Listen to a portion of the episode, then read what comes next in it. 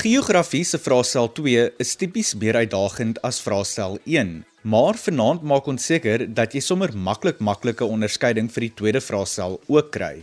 Mits jy natuurlik leer. So hou jou pen en papier byderhand en spits jou ore. Hallo hallo, ek is Adrian Brandt en ek kuier vir die volgende paar minute saam met jou in Kompas net hier op RSG. Ons Kompas eksamenvoorbereidingsreeks gaan voort en vanaand is geografie se vraestel 2 op die hersieningsspyskaart. Glenn Semai, 'n adjunk vakspesialis vir geografie by die Wes-Kaapse Onderwysdepartement, kuier vanaand weer saam in die program om ons te help met eksamenvoorbereiding en ook wenke, raad en advies met ons te deel. Ons kop ons gesprek vanaand af deur jou vlugtig te herinner wat die verskillende inhoud is wat jy moet leer vir geografie se vraestel 2 die punte toekenning daarvan, tydsbesteding en sommer vele meer. Kompas, jou rigtingaanwyser tot sukses. Glen, welkom weer op Kompas en dankie dat jy vanaand saam met ons kuier en die matrikulante help met hul geografie eksamen voorbereiding. Ons gesels vanaand spesifiek oor vraestel 2 en ek weet dat die fokus in hierdie vraestel op landelike en stedelike nedersettings, ekonomiese geografie van Suid-Afrika, asook geografiese tegnieke en vaardighede is. Wat presies is die verskillende hoofstukke, inhoud en dies meer waaroor leerders geëksamineer word in vraestel 2? En kan ons so 'n bietjie gesels oor die punte toekenning van die verskillende afdelings en miskien ook die tydsbesteding daarvoor? Watter raad het jy vir die leerders met betrekking tot dit? Die struktuur van vraestel 2 is presies dieselfde as vraestel 1, met die verskil dat die onderwerpe verskillend is. Natuurlik weet julle al teen hierdie tyd dat vraestel 2 oor menslike geografie gaan. Die punte is 150 en die tyd is 3 ure. In hierdie vraestel word daar ook 3 vrae gestel. Kom ons kyk na hierdie verskillende vrae. Vraag 1 gaan oor landelike en stedelike nedersettings. Ons skop af met twee vragies wat kort vrae gaan wees van 7 en 8 punte elk wat gevolg word deur 3 nedersettings uh vrae van 15 punte elk die totaal daarvan is 60 Vraag 2 gaan oor die ekonomie van Suid-Afrika en weer eens ons skop af daar met twee kort vragies van 7 en 8 punte elk wat gevolg word deur 3 vrae van die ekonomie van Suid-Afrika van 15 punte elk wat vir ons ook 'n totaal van 60 punte gee. Vraag 3 sal natuurlik ons kaartwerk vraag wees. Maar onthou asseblief matrieks dat hier val die klem nou op menslike geografie. So, jou kaartvaardighede en jou berekeninge, dit is presies dieselfde soos wat ons vraas in vraag 1 uh vraestel 1 gaan kry, maar die toepassing en die interpretasie, daardie 12 punte, daar gaan dit slegs om menslike geografie. En natuurlik sluit dit dan jou geografiese inligtingstelsels in. So vraag 3 bestaan dus uit kaartvaardighede en berekeninge van 10 punte, toepassing en interpretasie van 12 punte en jou geografiese inligtingstelsels van 8 punte, 'n totaal van 30 punte. Onthou dat daar een paragraaf tipe vraag in elk van die vrae 1 en 2 gevra word. Alle vrae is verpligtend. Definisies tel 2 punte elk, so sorg dat jy al die definisies ken. Dit sal 'n goeie idee wees om 1 uur aan elke vraag te spandeer. En alhoewel vraag 3 30 punte tel, het jy baie meer tyd nodig. So dis goed dat jy ook 'n uur daaraan gaan spandeer. Onthou dat in kaartwerk het jy meer tyd nodig want daar is berekeninge wat gedoen moet word en natuurlik die kaartvaardighede dit kan tyd neem en ook jou toepassing interpretasie waar jy sommige eh, tyd goed op die kaart moet gaan soek. Dit sal ook vir jou uh so 'n bietjie tyd neem. So sorg tot dat jy ook 'n uur aan hierdie vraag, dis nou vraag 3 spandeer. Nou, soos die luisteraars teen nou al weet, word die eindeksamen deur die Nasionale Onderwysdepartement opgestel. Kan ons vlugtig oor die moeilikheidsgraad van vraestel 1 gesels en hoe die vrae aan leerders gestel word? Wat is dit wat leerders in gedagte behoort te hou wanneer dit hierby kom? Dit is baie belangrik matrieks dat jy moet weet die moeilikheidsgraad van jou vraestelling. Nou, ons het basies 3 tipes van vrae wat gevra gaan word. Dit is lae orde vrae, middelorde vrae en hoë orde vrae. Onthou dat jou lae orde vrae dit uh, sluit in kennis en onthou en die tipe van aksie werkwoorde wat jy in sulke vrae kan verwag is uh, woorde soos noem, gee, definieer, identifiseer en lys. Nou 25% van jou vrae gaan lae orde vrae wees. 50% van jou vrae gaan middelorde vrae wees. Daar gaan moet jy kan verstaan en toepas. En die woorde wat jy kyk, die aksiewerkwoorde wat belangrik daar is, is woorde soos bespreek, verduidelik, illustreer en beskryf. Nou die laaste ene is jou hoë orde vraag, ook 25%. Nou dit gaan nou regtig uh uh die vraag wees wat vir jou gaan uitdag. In hierdie vraag uh moet jy kan analiseer en jy moet kan evalueer. En die aksiewerkwoorde wat ons daar kan verwag is vrae soos evalueer, voorspel, assesseer en konstrueer en argumenteer. Nou dit matrieks wat ons nou vir jou genoem het is baie baie belangrik dat jy dit moet weet. Jy moet weet waar jou makliker vrae lê. Jy moet weet ook waar jou moeiliker uh uh, uh vrae lê. En wanneer dit kom by jou laorde vrae hier, die 25% daarvan, jy mag nie fout maak daar nie. Jy moet die maksimum hoeveelheid punte moet jy daar kry want uh, dit is vrae dat wat as jy elke dag in die skool gewees het wat jy behoort te kan beantwoord.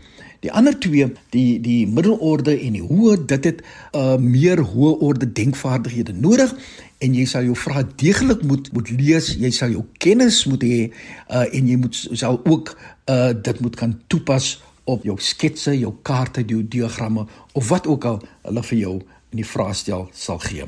Glen ek wil hê dat ons nou so 'n bietjie in diepte moet gesels oor die inhoud van die verskillende vrae van vraestel 2.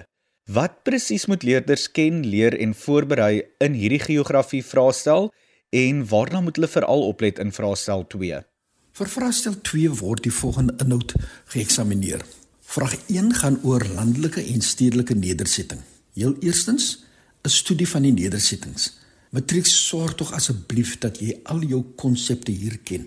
Jy moet konsepte ken soos standplaas, ligging, jy moet dit ken van kompleksiteit die grootte daarvan. Sorg asseblief dat jy in hierdie eerste afdeling jou al jou konsepte ken. Daarna gaan ons oor na landelike nedersettings. Wat jy daar moet weet is uh die faktore wat die volgende beïnvloed. Dit is nou standplaas en ligging. Jy moet patroon en funksie ken. Jy moet die verskillende buitelynvorm van nedersettings ken. Ek weet nie of jy opgelet het nie matrieks dat alles wat ek sover genoem het was basies 'n klomp konsepte. Nou die konsepte moet jy nie net ken nie, maar jy moet ook kan toepas op kaarte, diagramme en op statistiek. Dit word gevolg deur landelike nedersettingskwessies en daar moet jy die volgende ken. Jy moet landelik stedelike migrasie ken. Jy moet die oorsake daarvan ken, die gevolge en hoe dit bestuur kan word. Dan moet jy ook sosiale geregtigheidskwessies ken en veral grondervorming. Sorg tog asseblief dat jy hierdie kwessies uh van landelike nedersettings ook goed ken. Nou stedelike nedersettings. Kom ons kyk gou wat jy daar moet ken. Uh jy moet daar basies ken eerstens die faktore wat die volgende beïnvloed: standplaas, ligging, klassifikasie van stedelike nedersettings. Nou natuurlik voordat jy hierdie faktore kan bespreek, moet jy eerstens die konsepte ken. Jy moet weet wat elkeen van dit is. Jy moet dan ook weet die klassifikasie van stedelike nedersettings volgens funksie. Jy moet stedelike hiërargie ken. Nou jou stedelike hiërargie matrieks kyk gerus na daai hoofstuk. Jy sal sien dat daardie hoofstuk daar is so 'n klomp verskillende terme en konsepte wat jy moet ken. Sorg tog asseblief dat jy elkeen van hierdie kan ken vir vir twee punte elk hierdie definisies, maar wat nog belangriker is, onthou dat in hierdie onderwerp kan hierdie uh, konsepte uh, ook op iets soos 'n kaart of iets soos 'n diagram kan dit toegepas word. Sorg tog asseblief dat jy dit ken. Dan stedelike struktuur. Nou nou die oorgrootste meerderheid van van jou stedelike nedersetting gaan hieroor en dit is baie populêre eksamenvraag. Sorg tog dat jy asseblief alle grondgebruiksones ken, almal van hulle. Moenie een uitlaat nie want enige een gaan kan getoets word. Stedelike profiel. Jy moet sorg dat jy die faktore wat morfologiese struktuur van stede beïnvloed, modelle van stedelike struktuur, sorg tot asseblief dat jy dit ken. Dan net soos in die geval van landelike nedersetting, kry jy ook stedelike nedersettingskwessies. Sorg dat jy alles dit ken.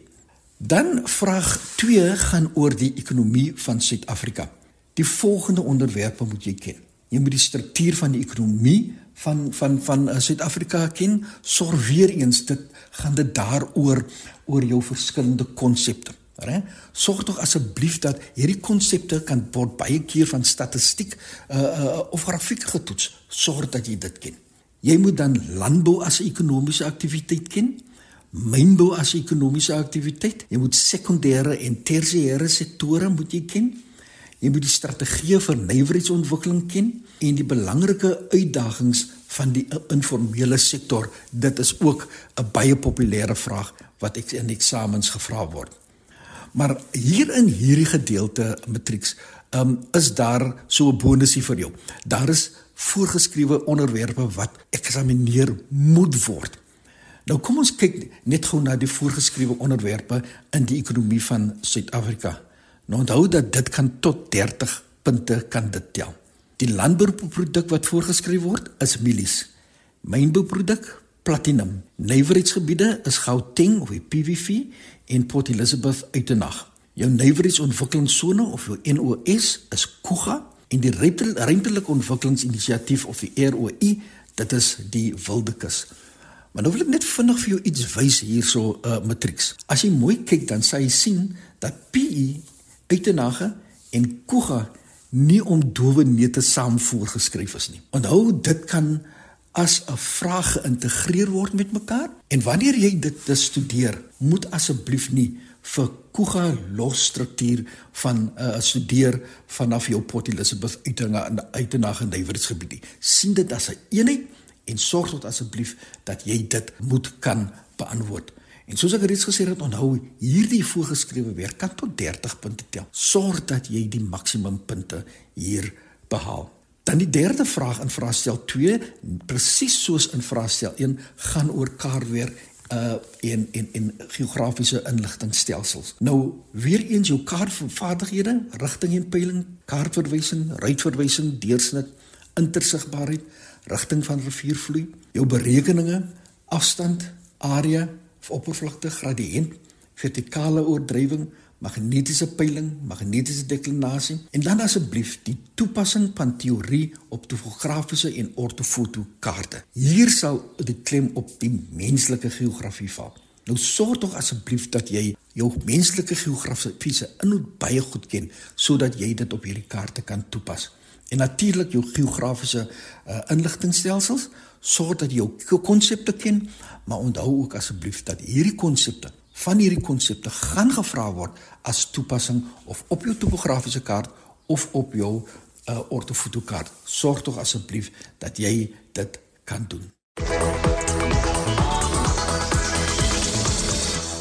Dit is Glen Semai, 'n adjunkvakspesialis vir geografie by die Wes-Kaapse Onderwysdepartement wat saamkuier in Kompas en oor hierdie vak se vraestel 2 gesels. Ek is weer agter die Kompas mikrofoon en ek kuier saam met jou in Kompas op RSG. Ek is Adrian Brandt en geografie se vraestel 2 is vanaand op die Kompas hersieningsspyskaart. Glen Semai is 'n adjunkvakspesialis vir geografie by die Wes-Kaapse Onderwysdepartement en hy is my kenner en gas vir vanaand. Vir die breek het ons oor die inhoud van geografie vraestel 2 gesels, asook wenke gedeel oor hoeveel tyd jy aan sekere vrae moet bestee. Ek en Glen kuier nou verder saam en vertel jou ook meer van die tipiese foute wat leerders in hierdie eksamen vraestel maak, hoe om dit te vermy, asook hoe om doeltreffend en effektief voor te berei vir 'n geografie vraestel. So, ek hoop dat jy gaan notas neem. Kompas, jou gids tot jonk wees. Glen, wat is die uitdagings en die probleme wat jy sien leerders in geografie se vraestel 2 kom? Waar verloor die leerders so onnodige punte? Ek wil graag twee uitdagings in die vraestel aanspreek. Eerstens, vra wat handel oor verduidelik hoe en verduidelik waarom.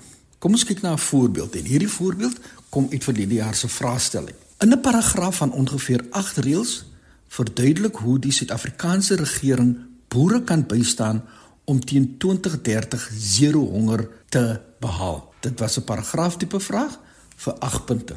Baie leerders skryf dan die volgende: Hulle skryf aansporings, tegniese bystand vir kleinskaalsboere, moderne plaasgereedskap, navorsing, verbetering van boerders se se vaardighede, toegang tot insektedoders. Maar in hierdie geval, as jy dit doen, het jy net verduidelik. Jy het nie verduidelik hoe nie. Dan moet iets by jou antwoord kom. Jy moet jou antwoorde kwalifiseer.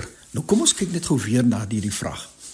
In 'n paragraaf van ongeveer 8 reëls verduidelik hoe die Suid-Afrikaanse regering boere kan bystaan om teen 2030 zero honger te behaal. Hierdie natuurlik, hierdie vraagie sien jy onmiddellik gaan oor voedselsekuriteit. So jou antwoord moet kwalifiseerders insluit. Onthou, dit gaan oor verduidelik hoe. Voorbeeld van die antwoorde sal wees as volg: Jy kan nie net sê aansporings nie. Jy moet sê aansporings kan die produktiwiteit op plase verhoog. sien jy onmiddellik het jy jou antwoord gekwalifiseer. Nou het jy verduidelik hoe, jy het nie net verduidelik nie. Kom ons kyk na nog 'n manier. Moderne plaasgereedskap. Jy kan nie net dit skryf nie.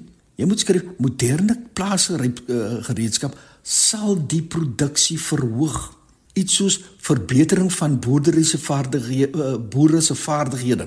Ons kan nie net dit skryf nie. Ons moet skryf verbetering van boere se vaardighede sal effektiewe boerdery verseker. Ook toegang tot insektedoders. Ons moet dit kwalifiseer. Toegang tot insektedoders verbeter die hoër gehalte kwaliteit van gewasse. So jy sien dis dit is matrieks. Wat het ons hier gedoen? Ons het elkeen van hierdie vrae het ons antwoorde het ons gekwalifiseer. En wanneer jy dus 'n vraag kry van verduidelik hoe of ook selfs verduidelik waarom, onthou dat jy moet 'n kwalifiseerder bysit anders het jy bloot net die vraag verduidelik. Die tweede uitdaging is het te doen met vrae wat handel oor impak. Kom ons kyk na nog 'n vraagie uit vir die eerste vraestel. Watter positiewe impak het aktiwiteit B op die plaaslike gemeenskap? Nou by hierdie vraag vragie het hulle 'n diagram bygesit en B het gelê in die landelik stedelik oorgangsone. En B was 'n nywerheid geweest. En so hulle wil geweet het wat ter positiewe impak het aktiwiteit B op die plaaslike gemeenskap gehad. Nou wil ek so onmiddellik vir jou wys. Hier vra hulle nie bespreek die impak nie. Hulle vra bespreek die positiewe impak. Nou let asseblief op die volgende. Hierdie vraag kan as volg gevra word. Eerstens, bespreek die impak. Dan kan jy beide positief en negatief kan jy oorskryf. Hulle kan vra bespreek die positiewe impak soos in hierdie geval. So jy kan slegs hier skryf oor die positiewe impak. Hulle kan ook vra bespreek die negatiewe impak en dan kan jy slegs oor die negatiewe impak kan uh, moet jy skryf. Daar kan gevra word bespreek die impak op die ekonomie. En kyk nou weer mooi na hierdie vraag. Ek lees net gou weer. Watter positiewe impak het aktiwiteit B op die plaaslike gemeenskap? Met ander woorde, hier kan jy net op die impak op die mense daar daar, daar, skryf wat in daardie omgewing doen. Matrix let asseblief op as as as jy 'n vraagie sien wat handel oor impak, skakel tog asseblief die rooi liggie aan want jy sal moet sorg dat jy daardie vraagie duidelik lees, duidelik verstaan en skryf net dit wat hulle vir jou vra. Glen, daar is baie leerwerk in geografie se vraestel 2 en dit verg ook heelwat praktiese vaardighede en voorbereiding. Wat is die moets en moenies in terme van voorbereiding vir geografie se vraestelle? Moenie geografie leer asof jy jouself vir lang vrae voorberei nie. Onthou jy gaan nie 'n lang vraag in geografie kry waar jy vir 'n bladsy bladsy en 'n half moet skryf nie. Jy sal jou dus moet voorberei in die rigting van die vraestel. Jy moet vir jouself voorberei in die vrae wat geograwe vra.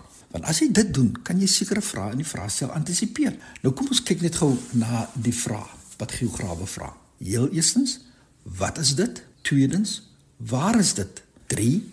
Waarom is dit daar?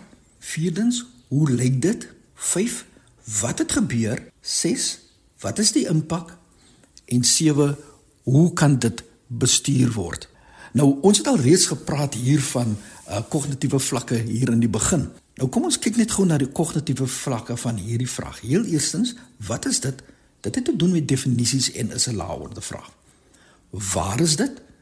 Dit het te doen met ligging en is ook 'n laeorde vraag. Waarom is dit daar Nou gaan ons 'n bietjie op. My vraag word 'n bietjie moeiliker. So met ander woorde, jy moet 'n rede verskaf en dit sal jou middeorde vraag wees. Hoe lyk dit? Jy moet iets kan teken, jy moet iets kan beskryf. Ook 'n middelorde vraag. Wat het gebeur? Jy moet 'n proses kan beskryf. Dit natuurlik is ook jou middel tot jou hoë orde vraag. Wat is die impak? Middelorde tot hoë orde vraag. En hoe kan dit bestuur word? Ook 'n middelorde tot 'n hoë orde vraag. Nou wat interessant is van hierdie vraag wat geograwe vra, as jy mooi geluister het van nommer 1 tot nommer 7, sou jy opgelet het dat die vraag al moeiliker word. Ons gaan nie die eksamen begin met vir jou 'n vraag vra as waarom het dit of dat gebeur nie. Nee, ons gaan vir jou begin met 'n paar sal ons net sê lae orde 1 punt vragies om vir jou soort van in die vragie te verwelkom. En dan sal die vraag stelselmatig al moeiliker word. Maar nou 'n interessante ding van hierdie vrae wat geograwe vra, het te doen met die volgende. Jy kan jou paragraaf tipe vraag kan jy antisipeer. Kom ons kyk net gou na daai laaste uh uh drie vragies wat het gebeur? Wat is is die impak? Ons het nou al reeds gekyk in ons vorige vraag se bespreking van wat is die impak? 'n Baie populêre paragraaf tipe vraag. En wat kan gedoen word aan 'n sekere kwessie? Met ander woorde, hoe kan dit bestuur word? Dit is jou paragraaf tipe vraag wat vanaf jou vraag wat geograwe vraag gevra kan word. So as jy dit studeer, sorg tog dat jy asseblief met jou paragraaf vraag in gedagte dat jy veral na hierdie laaste drie vragies kyk en sorg dat jy 'n paragraaf tipe van vraag oor enige onderwerp wat jy besig is om te studeer kan beantwoord. Nou hierdie vraag wat geograwe vra, kan natuurlik toegepas word op meeste van uh, jou verskillende onderwerpe. Kom ons kyk na 'n voorbeeld. Ek gaan een van die mees populêre uh, uh, voorbeelde gebruik, naamlik dit van die sentrale sake kern of die SSK soos dit ook genoem word. Kom ons kyk na die vraag. Heel eerstens, wat is dit? Hulle kan vir jou eksamen vra, identifiseer die grondgebruiksone by A. Jy moet weet wat dit is. Waar is dit? Hoekom? Waarom is dit? Dit is die toeganklikste deel van die stad. Waarom is dit daar? Omdat die hoofroetes daar by mekaar kom. Hoe lyk dit? Onthou, ons is besig met die SSK hier, né? Hoe lyk dit? Die geboue is baie dig, 'n hoë digtheid van geboue. En natuurlik die geboue is baie hoog. Wat het daar gebeur as gevolg van dit? Verkeersopeenhoping, besoedeling, samedromming van mense. Wat is die impak? Nou gaan jy dinge kry soos verkeersopeenhopings. Ek gebruik nou slegs vir verkeers op op op opeenhopings as 'n voorbeeld. Wat is die impak? Byvoorbeeld by verkeersopeenhopings, frustrasies van die eh, motoriste, mors van brandstof en tyd, padwoede en so voort. Hoe kan dit bestuur word? Weereens gebruik ek uh uh ons verkeersopeenhopings slegs as 'n as 'n voorbeeld. Hoe kan dit bestuur word?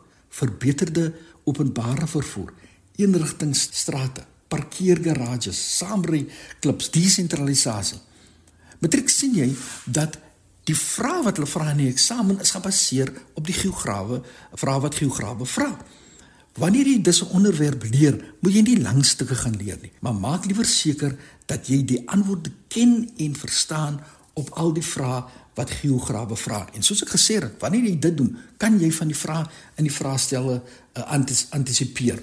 Jy kan gerus net enige vraestel opneem en kyk net hoeveel keer hierdie vraag opduik. En en weet julle matrieks al wat die eksaminator doen is dat hy gebruik gebruik beter taal om hierdie sewe vrae wat geograwe eintlik vra te stel. Nou goed, jy gaan nie 'n asembool kry deur net dit te studeer nie maar jy gaan ongeveer 65% kan jy behaal deur net na die geograwe te uh, die vrae wat geograwe vrae te konsentreer. Want meeste van die vrae word hierop gebaseer. Dran Glen Samai, 'n adjunkvakspesialis vir geografie by die Wes-Kaapse Onderwysdepartement wat saamgekyer het in Kompas en oor hierdie vak se vraestel 2 in die eindeksamens gesels het. Nou ja, nou dat jy alles weet wat om te verwag, moet jy seker skouer aan die wiel sit en leer. Dit is tyd vir my om te groet. Ek kuier volgende Woensdag weer saam met jou om 08:30 wanneer ons voortgaan met die hersiening en eksamenvoorbereiding. Van my kant tot volgende week. Mooi loop.